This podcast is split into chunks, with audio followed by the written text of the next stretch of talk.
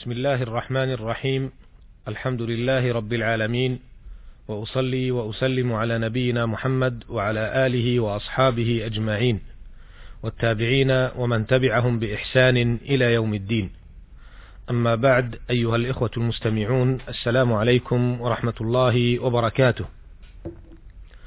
بدأنا الحديث في الحلقة السابقة عما رواه الشيخان عن عبد الله بن عمر رضي الله عنهما عن النبي صلى الله عليه وسلم أنه قال إذا استأذنت أحدكم امرأته إلى المسجد فلا يمنعها.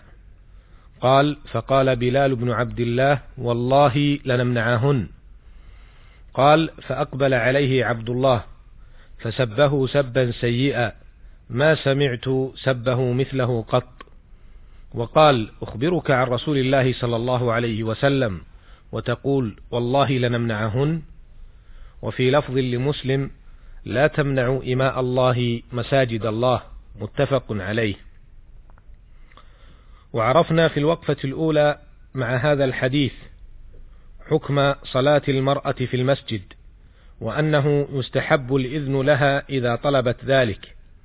ولكن ينبغي أن تعرف المرأة أن الخروج إلى المسجد أو غيره يجب أن يكون بكامل الحشمة والستر والحجاب والوقار وألا تكون متطيبة ولا متزينة فإن خرجت وهي كذلك أثمت إثما عظيما وارتكبت جرما خطيرا إذ بذلك تفتن نفسها وتفتتن ويفتتن الناس بها. كيف لا؟ والرسول صلى الله عليه وسلم يقول في الحديث الصحيح المرأة عورة وأنها إذا خرجت من بيتها استشرفها الشيطان وأنها لا تكون أقرب إلى الله منها في قعر بيتها. فلتعي نساء المسلمين ذلك وليعي أولياء أمورهن هذه الأحكام الشرعية والآداب المرعية. الوقفة الثانية دل الحديث دلالة صريحة على وجوب احترام رسول الله صلى الله عليه وسلم ومحبته واحترام سنته ومحبتها والعمل بما جاء عنه صلى الله عليه وسلم. وأن من خالف ذلك يستحق الغضب عليه والإنكار. ألا ترون في هذا الحديث إلى الصحابي الجليل عبد الله بن عمر كيف زجر ابنه ونهاه وسبه سبا سيئا. عندما اعترض على كلام رسول الله صلى الله عليه وسلم رغم أن سبب الاعتراض كان الغيرة الشديدة لما رأى من وضع النساء وتساهلهن. ومع ذلك يلومه أبوه عندما قال والله لنمنعهن يقول أخبرك عن رسول الله صلى الله عليه وسلم وتقول والله لنمنعهن وهذا يشير إشارة صريحة إلى أن حب رسول الله صلى الله عليه وسلم واحترامه هو هو سمة صحابة رسول الله صلى الله عليه وسلم ورضي عنهم.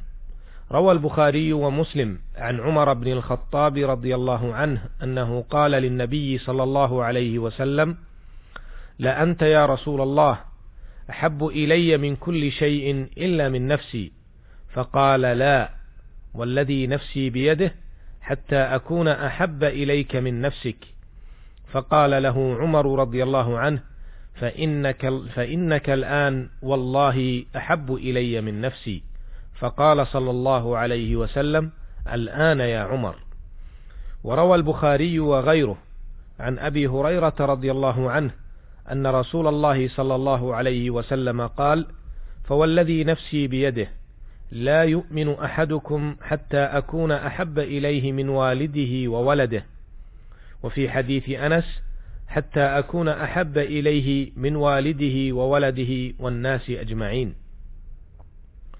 وهذه المحبة هي التي جعلت ابن عمر هي التي جعلت ابن عمر رضي الله عنهما يسب ابنه عند اعتراضه على ما نقله من كلام رسول الله صلى الله عليه وسلم.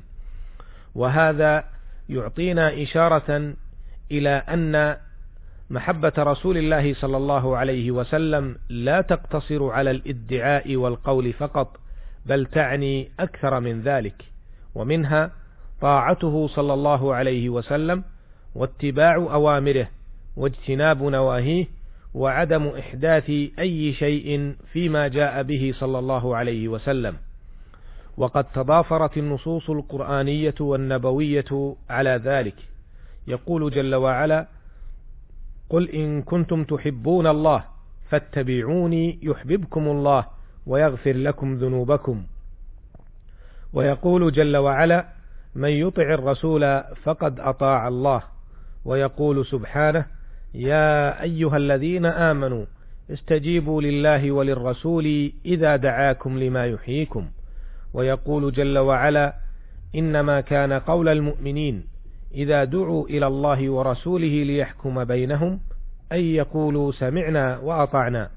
ويقول جل وعلا وما آتاكم الرسول فخذوه وما نهاكم عنه فانتهوا. ويقول سبحانه ومن يطع الله والرسول فأولئك مع الذين أنعم الله عليهم من النبيين والصديقين والشهداء والصالحين وحسن أولئك رفيقا. إلى غير ذلك من الآيات الكثيرة التي تحث على طاعة رسول الله صلى الله عليه وسلم ومن يحب أحدا يطيعه. وتدل هذه النصوص وغيرها على أن محبة النبي صلى الله عليه وسلم كما تتمثل في طاعة الرسول صلى الله عليه وسلم تجعل أن من مقتضيات المحبة والاحترام عدم إحداث أي بدعة فيما جاء عنه صلى الله عليه وسلم. روى البخاري وغيره أن الرسول صلى الله عليه وسلم قال لا يؤمن أحدكم حتى يكون هواه تبعا لما جئت به وروى البخاري وغيره أن رسول الله صلى الله عليه وسلم قال من أحدث في أمرنا هذا ما ليس منه فهو رد أي مردود على صاحبه. ومن هذا نعلم أن من يدعي محبة النبي صلى الله عليه وسلم وهو يخالف أوامره فلا يواظب على الصلاة مثلا أو يتساهل في أمر الزكاة أو يقصر في الواجبات أو يرتكب بعض المنكرات فهذا مأزور غير مأجور ودعواه باطلة حتى ولو كان قصده سليما. وكذلك نعلم أن من يجعل محبة الرسول صلى الله عليه وسلم منحصرة في ليلة من الليالي أو في أسبوع من الأسابيع أو في حفلة من الحفلات فقط كل هذا ونحوه من مخادعة النفس وتلبيس الشيطان. فمحبة النبي صلى الله عليه وسلم لا تقتصر على هذه الحفلات وغيرها والتي في الغالب تكون المنكرات فيها أكثر من غيرها وباقي السنة يتقلب هذا المحتفل ليل نهار في معاصي الله عز وجل.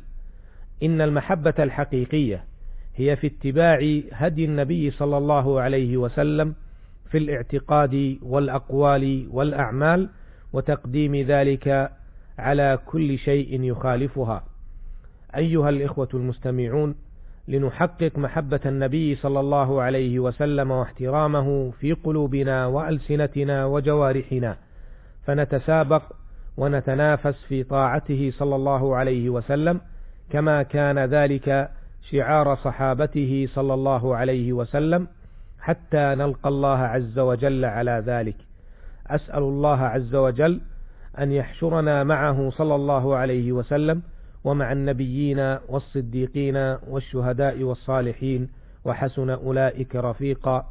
إنه سميع مجيب وهو المستعان. وإلى اللقاء في الحلقة القادمة إن شاء الله. والسلام عليكم ورحمة الله وبركاته.